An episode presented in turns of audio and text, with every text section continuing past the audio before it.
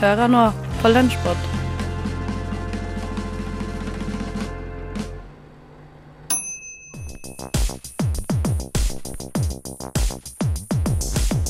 Hi, this is St. Vincent, and you're listening to Brad Trumas.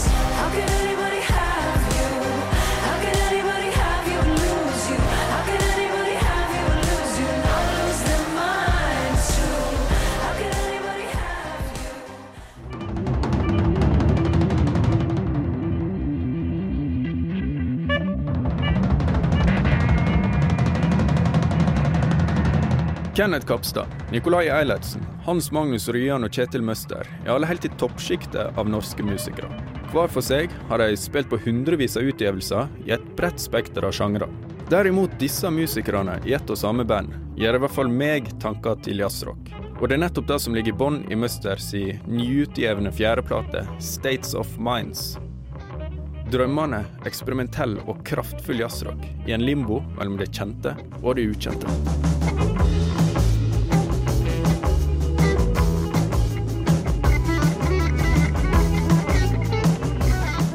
Kan du fortelle litt om hvordan Muster ble Muster? Hvordan steg til? Ja, det er en veldig konkret hendelse. Det var nemlig det at jeg spilte jo i det bandet som heter Datarock i Ja. mange år.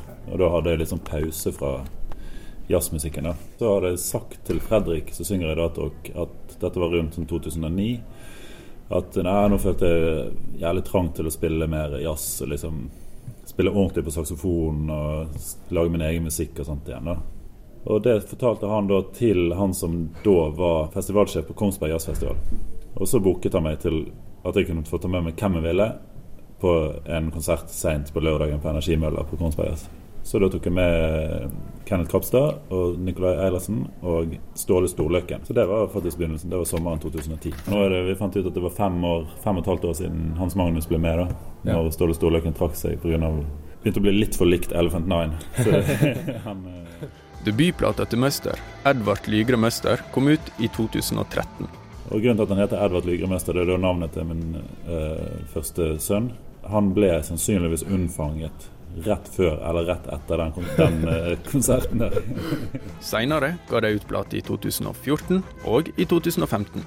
At det gikk tre år før States of Minds kom ut, henger bl.a. sammen med tredjeplata When You Cut Into The Present. Kjetil var rett og slett så nøyd at det var vanskelig å gå videre. Løsninga ble en mer anarkistisk tilnærming til rolla som bandleder, og til musikken. Musikken tidligere har jeg stort sett laget I hvert fall styrt veldig mye sjøl og komponert låter. Og i den grad improvisasjon, så har det kanskje vært litt sånn at det har gitt retningslinjer til bandmedlemmene. Men nå bare slapp jeg opp helt, så vi møttes noen ganger, skrev litt låter sammen, eller vi improviserte fritt i studio i flere timer. Og så har det vært veldig mye postproduksjon med Jørgen Treen, som har mikset, produsert og spilt inn platen, og, med, og som også spiller modellærsynt på denne platen. Der vi har jobbet kjempemasse med å klippe til musikken og sette det i en helhet. da på en måte. Og grunnen til at det er States of Mind Det er jo litt det at det er veldig sånn tilstands Det er ulike rom inni hodet på en måte som jeg tenker at man går inn i til de forskjellige låtene. Eller en låt kan kanskje ha flere rom, men da er det gjerne en naturlig passasje fra det ene rommet til det neste. Eller så er kanskje et, et, noen av de korte sporene er liksom det er liksom ulike tilstander. Tittelen er jo også et ordspill, altså det er 'States of Mind'. Sånn, sånn at det er på en måte en, det, er en, det er samlinger eller stater eller land eller hva du skal kalle det, av hjerner som møtes. og sånt. Så Møster er da en liten sånn stat av hjerner som har møttes for å lage den musikken her. Og så, og så kan du tenke sånn at hele verden egentlig er bare forskjellige eh, konstellasjoner av sinn som møtes og gjør forskjellige ting. Og det. Det er litt sånn den der, eh, Resultatet som denne platen er blitt til, er jo veldig stor grad påvirket av alle våre sine sinn.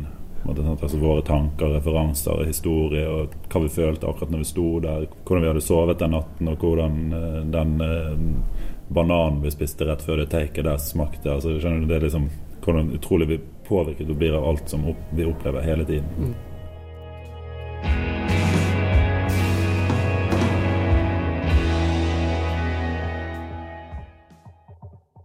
Du har nå hørt Kjetil Møster i samtale om sin nye plate States of Minds. Nå kommer låta 'Unhorsed by Chivalry' i sin heilskap. Ei låt som etter min mening toucher innom flere rom.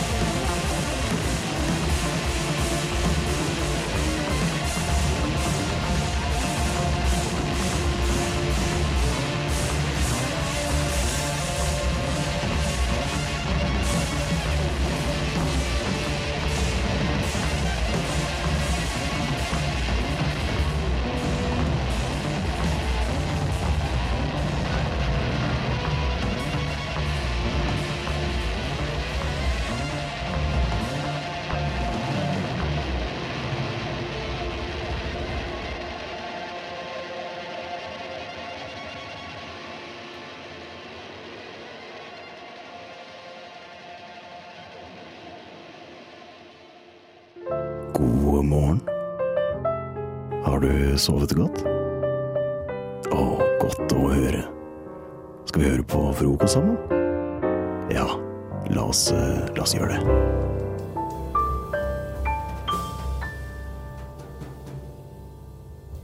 Theis eh, står her. Helga, hei på deg. Hei på deg. Hedda har slengt opp beina sine på en krakk og Oh, er yes. ganske bakoverlent. Yes. Eh, Det er bra. Eh, Det tyder på at hun er komfortabel i sitt element, og det er godt, alltid et godt tegn. Nå eh, skal vi ta en tur innom mitt liv. Eh, og eh, Oh. de situasjonene hvor jeg føler at jeg skuffer meg selv litt. Eh, ja. Jeg liker å tro at jeg er en ganske sånn munnrapp type. Eh, alltid kjapp i kommentaren og har ikke alltid noe fornuftig å si. Eh, men det er, av og til så svikter det helt. Mm. Og, jeg ikke, og, og det bare stotrer seg fram med dårlig svar. Så dette er rett og slett segmentet eh, Hva sier Theis? Eh, Hvor jeg forteller historier fra mitt eget liv. Hvor jeg har havnet i situasjoner hvor jeg er skuffet over det jeg svarte. Og jeg hadde sjansen til å komme med en sånn kjapp, kul kommentar, Mm. men så svikta det bare, og jeg skuffet meg selv. Ja, det er den verste følelsen. Um, så jeg har, lag, jeg har på en måte laget et skuespill ut av dette, hvor jeg spiller alle rollene selv. um, så vi kommer til å høre første del av eh, en interaksjon jeg hadde på jobb for en uke siden. Og uh, Kommer du inn, kommer du til å ha forskjellige sånn, karakterer? Det er to sånn? karakterer, eh, men det er, veldig, det, er veldig, det er ikke så komplisert. Så dere kommer til å forstå det. Uh, så jeg tenkte vi, vi kan høre første del av skuespillet først. Uh, og det jeg vil at dere skal gjøre da e- etter første delen, er at dere skal komme med forslag til hva jeg kunne sagt. og et forslag til hva dere tror jeg sa. Okay. Så vi hører da Jeg tar det med en uke tilbake i tid cirka. Jeg er ferdig på jobb veldig tidlig. Hør her.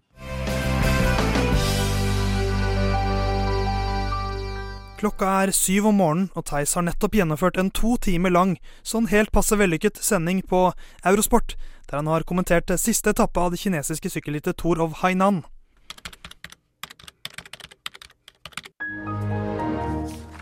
Å, fy, nå er jeg sliten, ass. Helt ør i hodet.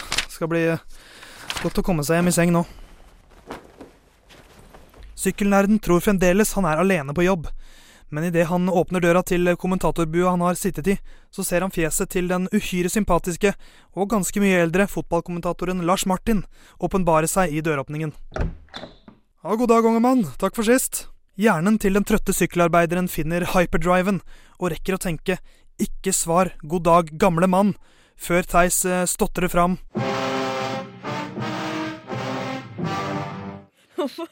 Så det som da ble sagt til meg eh, av min gode kollega Lars Martin, var god dag, unge mann. Ja.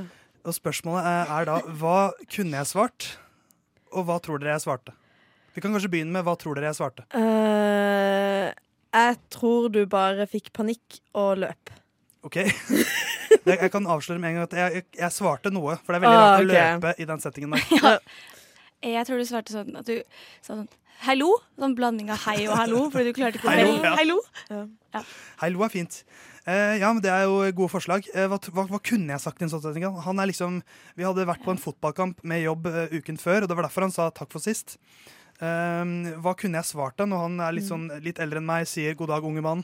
Mm. Eh, takk for sist. Jeg hadde sagt takk for sist, og så hadde jeg gitt han et lite blunk. Et lite... Oi! Mhm. Oi, oi, oi. For da hadde han blitt satt ut, ikke sant? Ja. Og da er ikke du lenger den som er satt ut. Er det målet med alle samtalene dine? At Altså, andre skal bli satt ut? yep. Jeg ville kanskje gått for en litt altså, uh, God dag, mer erfarne mann. Oh, oh, den er fin. Ja, god Ja. dag, rutinerte herre. Ja, ja. Litt sånn. ja, ikke sant? Ja. Hei, det er et kjempeforslag. Da tror jeg vi skal bare høre fasitene. Eh, dette er da hva jeg klarte å stotre fram. Ja, god dag, unge mann. Takk for sist. Hjernen til den trøtte sykkelarbeideren finner hyperdriven og rekker å tenke ikke svar god dag, gamle mann, før Theis eh, stotrer fram. Ja, god dag, eh, eh, Lars. Ha en fin sending, da. Yes. Eh, såpass dårlig var det. Um, men takk for gode forslag. Jeg håper jeg kan ha dere på sånn uh, På øret, På liksom, neste gang dette skjer. Radioteateret, Radioteater er det. Det tror jeg du må eh, satse litt på. Altså. Det er bare å hyre meg inn. gmail.com Tekstbehandlingsprogrammet holder døra oppe for alle. Jeg tror du må ta den mikrofonen der. Nummer fire. Hallo. Eller ja. Er du, Er du på lyd? Jeg er på lyd, tror jeg. Ja.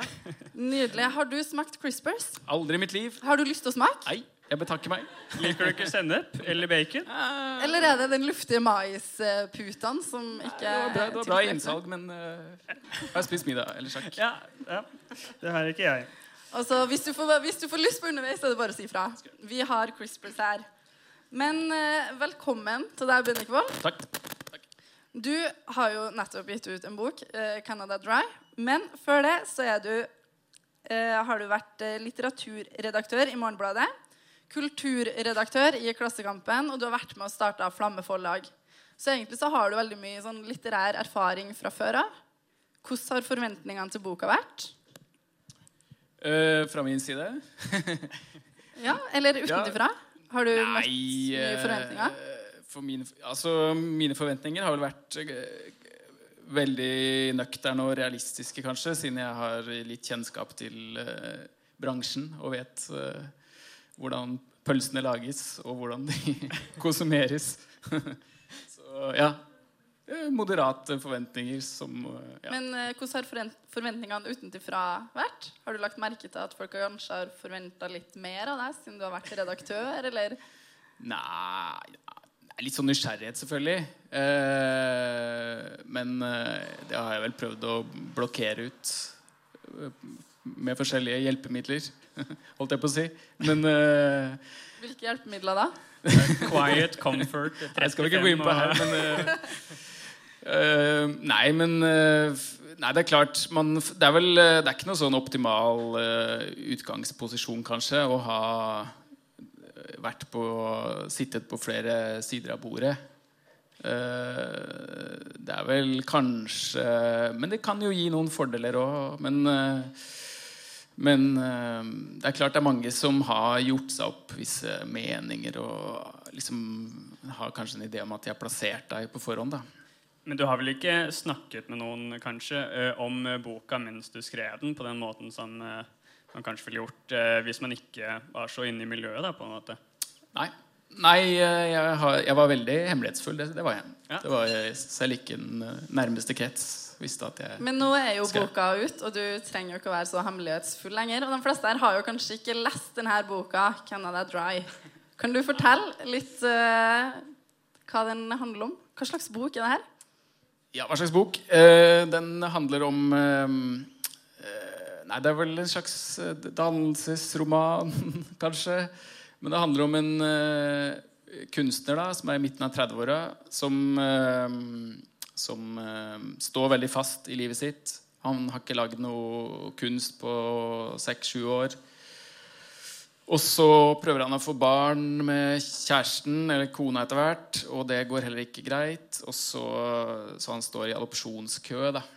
Eh, og så prøver han å ta lappen også, da, i godt voksen alder, og har eh, stort besvær med det også. Så det er en sånn tilstand av lammelse, egentlig, da, på flere eh, livsområder. Han er jo mildt nevrotisk også, eh, kan man si. Så det er vel ikke lett for han å interagere med verden på en måte. Nei, det er jo litt Det er vel eh, noe, noe av det karakteriserende ved han at han er, han er veldig eh, selvbevisst da, og veldig sånn selvovervåkende type. Så, mm, så det er vel kanskje det som går igjen på alle de tre feltene, og som gjør at han ikke får noe forløsning, da. Mm. ja, det stemmer jo. Og et eksempel på det kommer i et av de utdragene som du har forberedt for oss. Det med skammen av å være én. Ja, det var det, ja. ja. Kunne du ha lest litt fra den, så får vi litt inntrykk av hva slags bok det er også. Og hva slags mann han er, ikke minst. Ja, ikke sant? Skal vi se.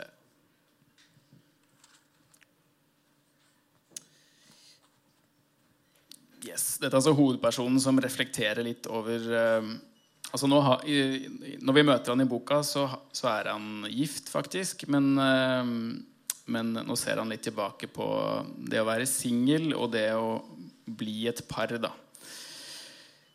Skammen over å være én. Aller verst var det å gå i butikken, husker jeg, med en singel handlekurv. Middag til én, samt øl. Stable alle disse indisiene på en singelhusholdning opp på rullebåndet. Bare for umiddelbart å bli demografisk plassert av den 18-årige jenta i kassa og familiefedrene i køen bak meg. Enslig, hvit mann. Kåt.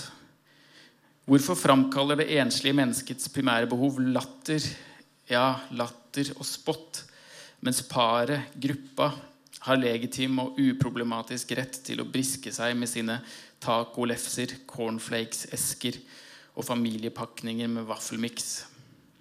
Av og til kastet jeg en pakke damebind opp på rullebåndet bare for å føle meg mindre miserabel. Siden byttet jeg ut bindene med bleier. Salka minnet meg på at jeg burde kjøpe dem i ulike størrelser. For straks vi ble to, ble skammen hevet opp på et nytt nivå. Nå var det skammen over å være et par, et barnløst par, som til enhver tid var forventet å sysselsette seg med romantiske paraktiviteter. Teaterbesøk, kino, ballett, storbyferier, skogturer, lange søndagsfrokoster. Uten at det gjorde forholdet til dagligvarebransjen enklere. Laks, lime, mango, avokado, chili, koriander. Ingrediensene til en enkel ceviche, som jeg før ville ansett som et ressurssterkt innkjøp, hjemmehørende på et høyere sivilisatorisk stadium, framsto nå, dandert på rullebåndet, som en utstilling av vårt ungdommelige eller ungvoksne svermeri, vår kontinuerlige, selvoppslukte kjærlighetsfest, lykkelig avskjermet fra realitetene der ute. Jeg har egentlig sagt det, men jeg kan si det en gang til. Radio Nova. På, på, DAB og nettradio. på radionova.no. Jeg har egentlig sagt det, men jeg kan si det en gang til. Radio Nova.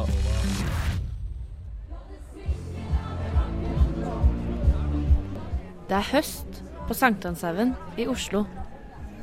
Bladene på trærne har skiftet farge, og den kjølige luften stikker mot huden.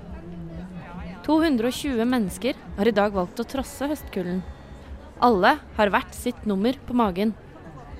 Omgitt av vaffellukt og fuglekvitter gjør deltakerne seg klare for dagens store begivenhet. Byråd Tone Tellevik Dahl går opp på scenen. Er det noe liv her? Ja, hørte ikke. En gang til. Er det noe liv? Yes. Eh, som helsebyråd så er det en fornøyelse å stå her og se utover dette. Dere er fantastiske ambassadører for den spreke byen som Oslo faktisk er. For det er faktisk slik at Oslo er sunnest i landet. Og når jeg ser på dere i dag, så er jeg faktisk ikke overrasket. Nummer 150 tripper med bena. Han sender spente blikk mot startstreken. For 50 år siden løp Steinar maraton. I dag er han klar for en helt ny utfordring. En utfordring som virket uoppnåelig for kun ett år siden.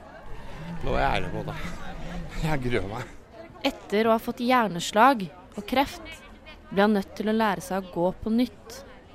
Han er en av de rundt 12 000 som får hjerneslag i året. De første månedene etter slaget klarte Steinar så vidt å bevege seg. Han klarte verken å skrive eller å snakke, og han slet med å smøre smør på sin egen brødskive.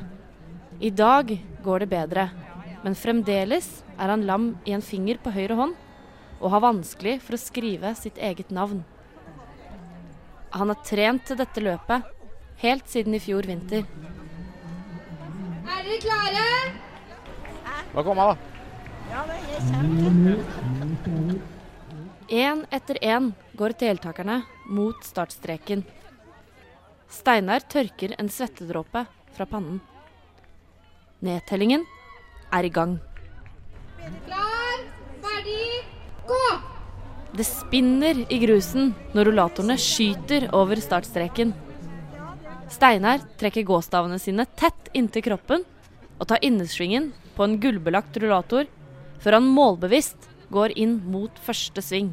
Jeg må gå forbi her. På hodet har han en rosa bøyle med to palmer som vaier i takt med de løpende føttene hans. Rundt halsen har han en blomsterkrans i grønt, rosa, gult og oransje. Det er ikke bare den raskeste som får premie i dag. men også den med det fineste antrekket. For det er litt moro å kunne pynte seg litt. Har laga litt ut av det, syns jeg. Når en først skal være med på et arrangement. Det er rullator og stavgangsløp på Sankthanshaugen i Oslo. 220 pyntede deltakere har møtt opp. De fleste skal gjennom en løype på en halv kilometer, og de ekstra spreke skal få løpe dobbelt så langt. I mål blir de møtt med medalje og diplom. Nå må vi gå fort. De heier så fælt. Det er ålreit, da. Men hva er det egentlig som skjer med kroppen når den blir eldre? Hvorfor er det slik at en halv kilometer føles like krevende som et maraton? Eh, Det vet vi jo en del om. Therese Brovold er fysioterapeut og forsker på eldres helse. Det skjer eh, både fysiologiske endringer, som at vi får redusert eh, kondisjon, muskelstyrke. Det betyr at vi løper ikke like fort som vi pleier å gjøre. Og vi trenger kanskje mer hjelp til å gjøre helt daglige aktiviteter. Det blir tungt å gå i trappa f.eks. Fra du er 20 til du er 80 år, så mister du omtrent 40% av muskelmassen din. Og i tillegg så skjer det da også parallelt en reduksjon av muskelstyrke. Sånn at eh, musklene blir tynnere, men de blir også mindre kraftige. Og det skyldes at muskelfibrene de er bygget opp av både raske og langsomme fibre. Og når du blir eldre, så mister du de raske fibrene. De trenger du for å ha god balanse, for å gå i trapper og for å reise deg opp fra en stol, annet da. Og for å løpe fort, selvfølgelig. Da kommer Steinar. Ja, Han ja. har lyst til å pynte seg. Hallo, Brodde. Takk for det. ja. Hallo. Du har flytta hit nå. Se hvor slitne vi er. Har ikke begynt å svette ennå. Steinar er halvveis i løpet. Han puster tyngre, og hvert skritt faller hardere og hardere mot bakken. Ja, vi kjenner i beina. Steinar sender lengtende blikk til toppen av bakken. Han begynner å kjenne smerten i det opererte benet sitt, og strammer grepet om stavene sine. Den gullbelagte rullatoren ser sitt snitt og tar tilbake ledelsen. Men jeg er ikke så sprek ennå. Så jeg kan begynne å løpe rundt. Ja, ja, ja, ålreit, da.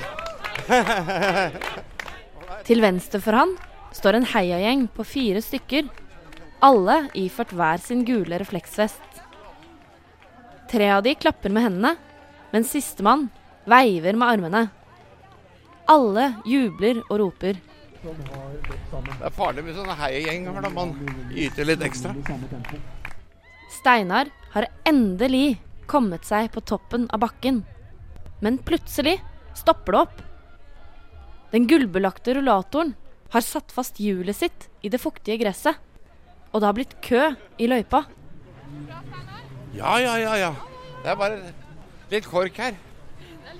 Det er bare Steinar og gåstavene hans som kommer seg forbi. Ja, vi må jo Nå er det bare nedover igjen, så da Bakken. Ja, kom igjen nå, da. Litt høyere, litt høyere. Yeah! Vi greide det nå. Langt der fremme, i bunnen av bakken, kan Steinar skimte målbannerne. Ja, vi må sette litt mot mål. Vi må ha innspurten. Han samler de siste kreftene i sprinten mot mål. Yeah! Oi.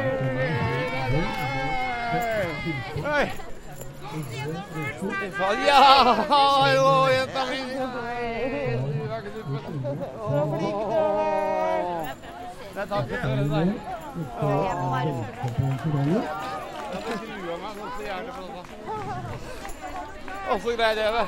Steinar er i mål! Etter månedsvis med hard trening klarte han det. I mål venter hjelpearbeiderne og gamle venner. Som alle tar han imot med klemmer og klapp på skulderen. De gamle er verdt litt allikevel. Det var ikke bare utgiftspost. P-stasjon har en innvirkning på den enkelte nordmanns selvfølelse og identitet. Sliter, Og de har ikke råd til å betale eh, markedspriser for, for gassen. Akkurat nå hører du på Radio Novas samfunns- og aktualitetsmagasin, Opplysningen 99,3.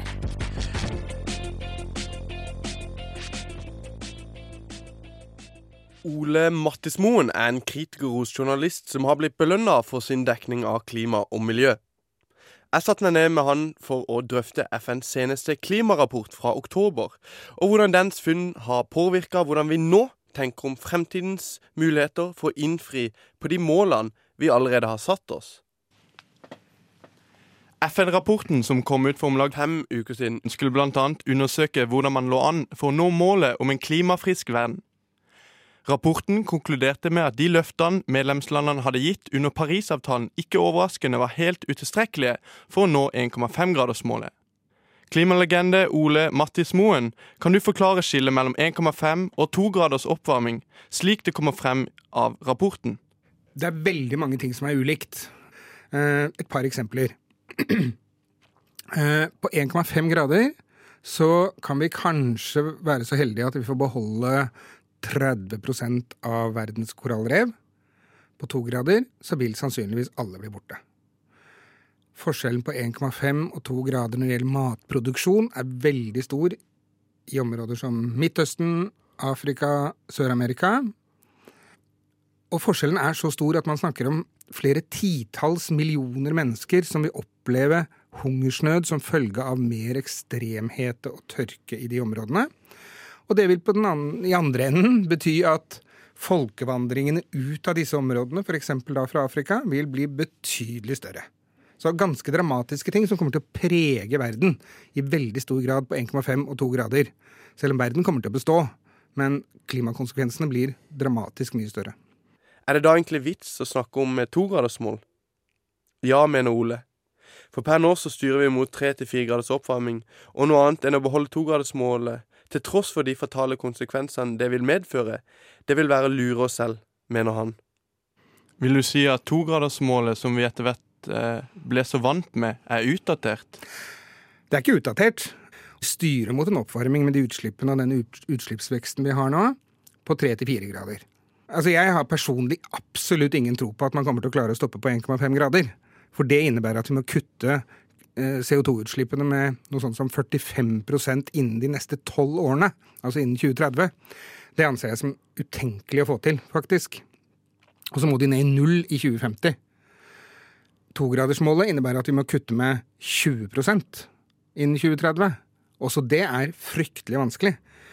Det er altså bare å forberede seg på å si farvel til korallrev, og velkommen til sult, elendighet, krig og flukt. I hvert fall per nå. Ole mener det er utenkelig at vi skal klare å kutte utslippene, i hvert fall i praksis. Uh, Men det er mulig å klare dette her.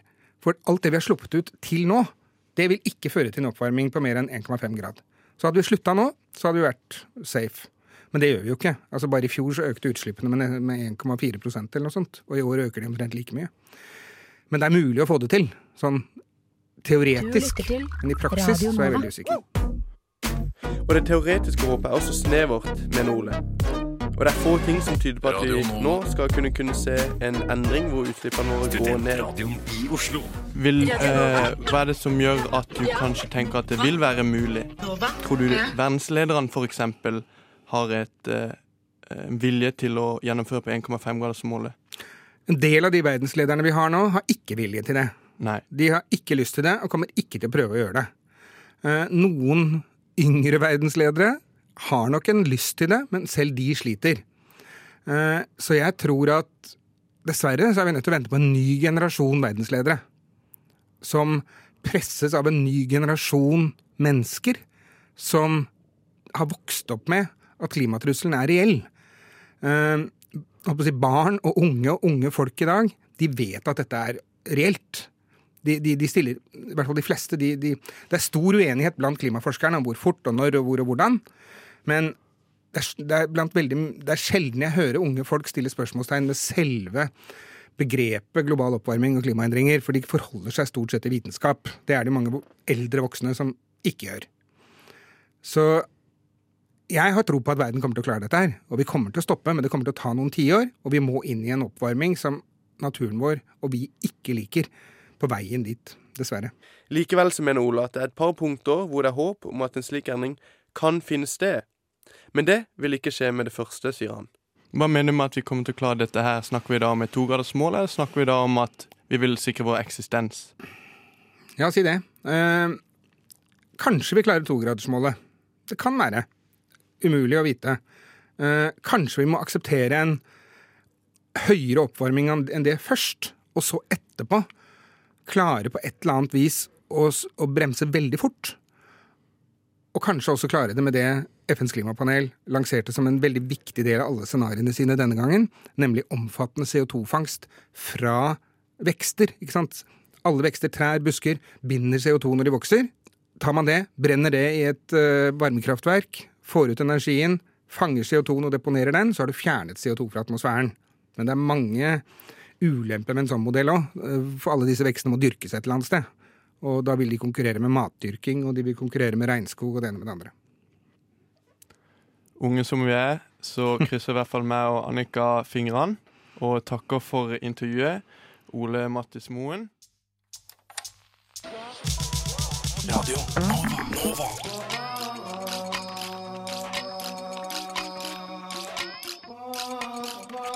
Siden 1982 har Radio Nova gitt deg favorittmusikken din før du visste at du likte den. Humor. Uh, humor.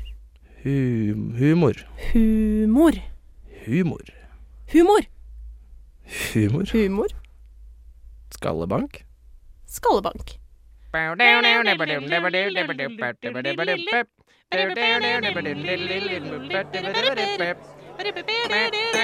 Ja, mm, og nå vil jeg Hei, hei, det er meg, ja, Toastmasteren igjen. Altså, Nydelig, nydelig dans der. Den tradisjonelle far og sønn-dansen. Ja, give it up, give it up! Eh, vi, jeg, eh, vi håper at dere koser dere med den fruktige vinen og eh, ost og rittkjeks. Eh, vi skal videre i dagens program. Et tettpakka program, ja. ja, ja, ja. Eh, og- Klassisk bryllup. Klassisk Mhm. bryllup, ja. Eh, neste som står for tur, er Ida. Som skal ha herrenes tale. Give it up for Ida, folkens. Ja. Our girl, Ida. Ja. Yes. Nei, nei, OK. Um, ja, hvor skal jeg begynne? Ok, Kjære alle sammen. Uh, kjære kvinner. Kjære herrer. Kjære brud, kjære brudgom. eh, skål for i kveld. Skål. Yes. Skål. Nei da. Men eh, det er en ære for meg å få holde herrenes tale i dag. Eh, jeg ser på meg selv som en liten sånn moro Litt sånn Homer Simpson-aktig rolle i denne forsamlingen. Ja, Meg Griffin også. Ja, ja. Shadash. Nei da. Men ehm, Bart Simpson. Bar det er også meg, ikke sant? Lisa Maggie. Simpson, Maggie Simpson. Um, nei da. Atomkraftverket. Shit, eh, Marjorie. Ja. Mo. Ja. Uansett. Uh, åh, ja, ok, Hvor skal man begynne? liksom? Hva skal man si om menn? Uh, ikke stort, si. Nei da. Nei, shit, sorry. Sorry. Ah, ok, greit. Nei, ikke meningen. Det var ikke meningen. Nei, men uh, Wikipedia for eksempel, da, definerer mann som kjønnsmodent menneske av hannkjønn. Um, Uenig. ja, Mer er det vel ikke egentlig å si. Jeg ser på deg, Stian. Mer er det egentlig ikke å si. Nei da, shit, sorry, Stian. Du er hyggelig, ass. Men Han er faktisk jævlig ja, han er drithyggelig, faktisk. Men enkelte av dere i salen, gutter, sprenger jo skalaen for det jeg vil kalle for, eh, for en mann, da. Um, vi har noen av de flotteste mennene jeg har sett eh, i dag, faktisk. Skikkelig sånn høyreiste og barsk og kjekk og ja, Brudgommen selv er jo ganske så kjekk i kveld, vil jeg si. Eh, til bruden vil jeg si sånn Ja, du har skaffa deg en bra mann. eh, eller hva? Og til brudgommen vil jeg si Jeg bor på rom 203 på hotellet. Det er bare å komme senere. Nei. Nei, sorry. sorry jeg, vet du, jeg bare kødder. Jeg bare kødder. Jeg bare kødder. Nei, jeg bare kødda. Shit. Nei, seriøst, gutter. Nei da. Ja, men ikke så mye. Nei da. Men shit, sorry, altså. Dere er uunnværlige i våre liv. Eh, hvem skal ellers eh, skifte motoren på bilen når den, eh, når den blir ødelagt, eller hva? Nei da. Sorry. Nei. Nei da, men vi damer, vet du. Hæ? Vi gnåler på, gjør vi ikke det? Åh, vi er så selvstendige, sier vi. Men vi trenger jo alle en mann, gjør vi ikke det? Litt sånn Hvem skal skifte Hun skal skifte lyspære når det, går, når det blir borte. Og ikke kvinner, de bare klager, gjør de ikke det? Vi trenger jo menn. Hvem skal drepe den ekle edderkoppen i dusjen og Ikke meg, i hvert fall. Nei da. Nei, da, nei. Men uh, shit, altså. Hæ? Dere er jo Dere beriker jo våre liv. Dere gjør jo det. Hva kan, hva kan man sammenligne en mann med? Kanskje, hva, hva hvis jeg sier brødskive? Kan man sammenligne med det? Brød? For eksempel, altså enten så er menn Hør, eh, hør nå, hør nå. Enten så er de myke og deilige, eller så er de tørre og jævlige. nei, nei, nei, nei, nei. Nei, sorry. Nei, uansett da, om dere er myke og deilige, ferske, store eller små, sunne eller usunne, da, så, så trenger vi dere i hverdagen, gjør vi ikke det? Og det er som jeg pleier å si, at vi damer, vi er vel pålegget. Eller? Vi er litt sånn, ja, litt sånn saftige, smakfulle, og brød klarer seg ikke uten oss. Eller hva? Nei, nei, nei, nei, nei, nei men herregud. Det er, dere menn har jo alltid spilt andrefiolin hos oss, har dere ikke det? Vi maser, dere fikser, ikke sant? Eh, vi klager, dere lytter. Um, ser rumpa mi tjukk ut i denne kjolen der? Nei, ikke sant? Følger du eksen din på Instagram? Nei.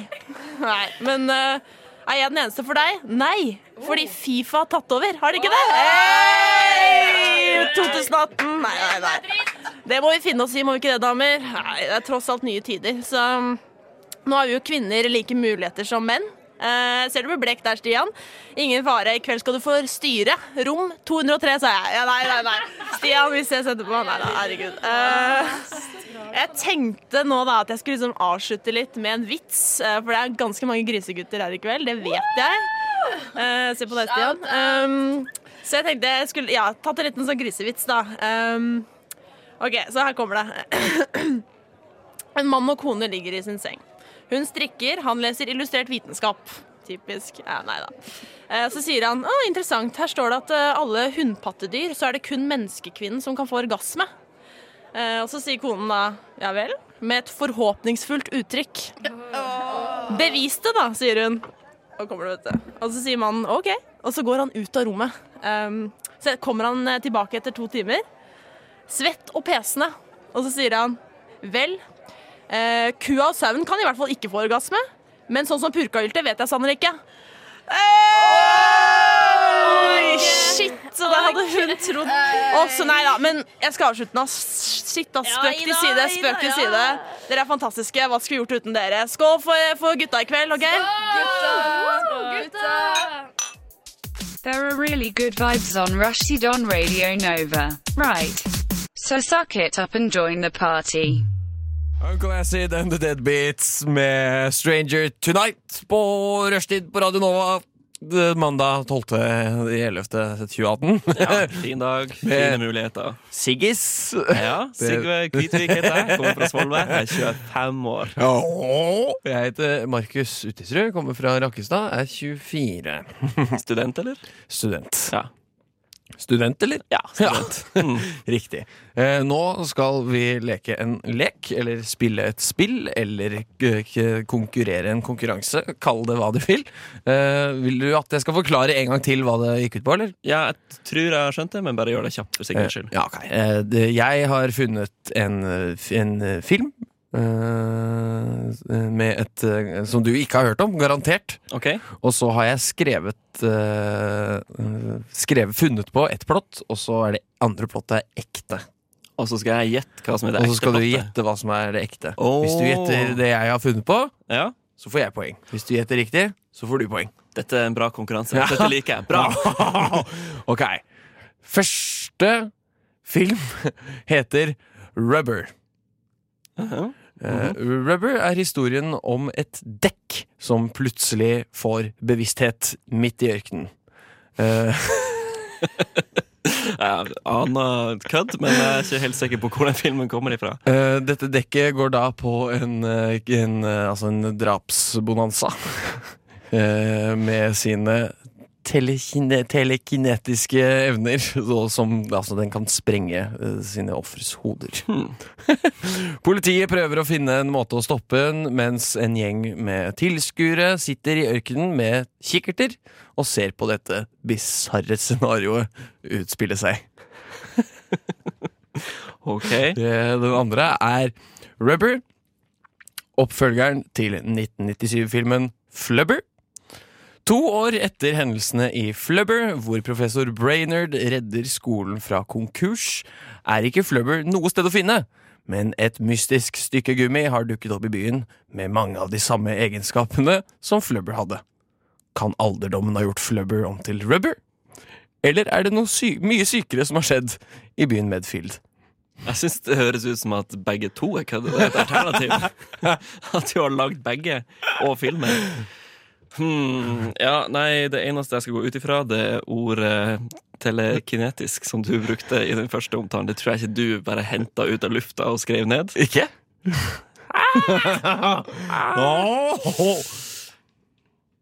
Jeg sier at du har funnet på scenario nummer to, der rubber uh, er oppfølgeren til flubber. Det stemmer. det er helt riktig. Poeng til meg! Poeng til deg. Hvor mange poeng? Ti Eh, millioner poeng? Ti millioner poeng, men da får jeg også ti millioner poeng hvis du gjetter min. på en måte oh ja, ok, Så det er ikke forskjell poeng fra film til film? Nei, tenker jeg ikke. Nei, Hva med ett poeng? Det er enklere. Mer ryddig. Mer ryddig. Uh, ok, uh, den andre filmen mm. Her er det tre alternativer. Uh, spørsmålet er om, jeg skal, om vi skal høre en låt først, og så ta nummer to. Hvor mange eller- har du to eller tre? her, på denne er det tre alternativer. OK. Hmm. Hmm. Har du Er det enda et spørsmål etter det? Det liksom Nei, det er det siste. Ok, Da syns jeg du tar det med en gang. Ok, jeg tar det med en gang. Eh, om hva handler filmen Arms Race? Ok. Nummer én. Ved Veddeløpshesten Thousand Island hadde alt en veddeløpshest kan drømme om. Kødd! En luksusstall, fri tilgang til verdens beste gulrøtter, klippekort hos verdens beste hale- og manefrisør, og den fineste hoppa i hele verden. Men etter en mislykket hestebeinstransplantasjon våkner han med fire menneskearmer der hestebeina en gang hadde vært. Thousand Island blir nødt til å lære seg å galoppere på nytt, og kampen for å beholde World Heavyweight Racehorse-beltet blir knallhard. Det dummeste jeg har hørt. Hva heter filmen igjen? Arms Race. OK, Arms Race. Eh, ok. Ok, eh, hva, Er det mer? Uh, ja. Mhm. Det er to til. Eh, et romfartøy befolket av armer lander i den lille amerikanske byen Hootney og prøver å passe inn der etter at hjemplaneten deres har gått til grunne. De blir møtt av skepsis og rasisme hos lokalbefolkningen og må gå rettens vei for å bli anerkjent som en rase på lik linje med de andre i byen. Arms race, altså. Nei, det, det kan ikke være sant.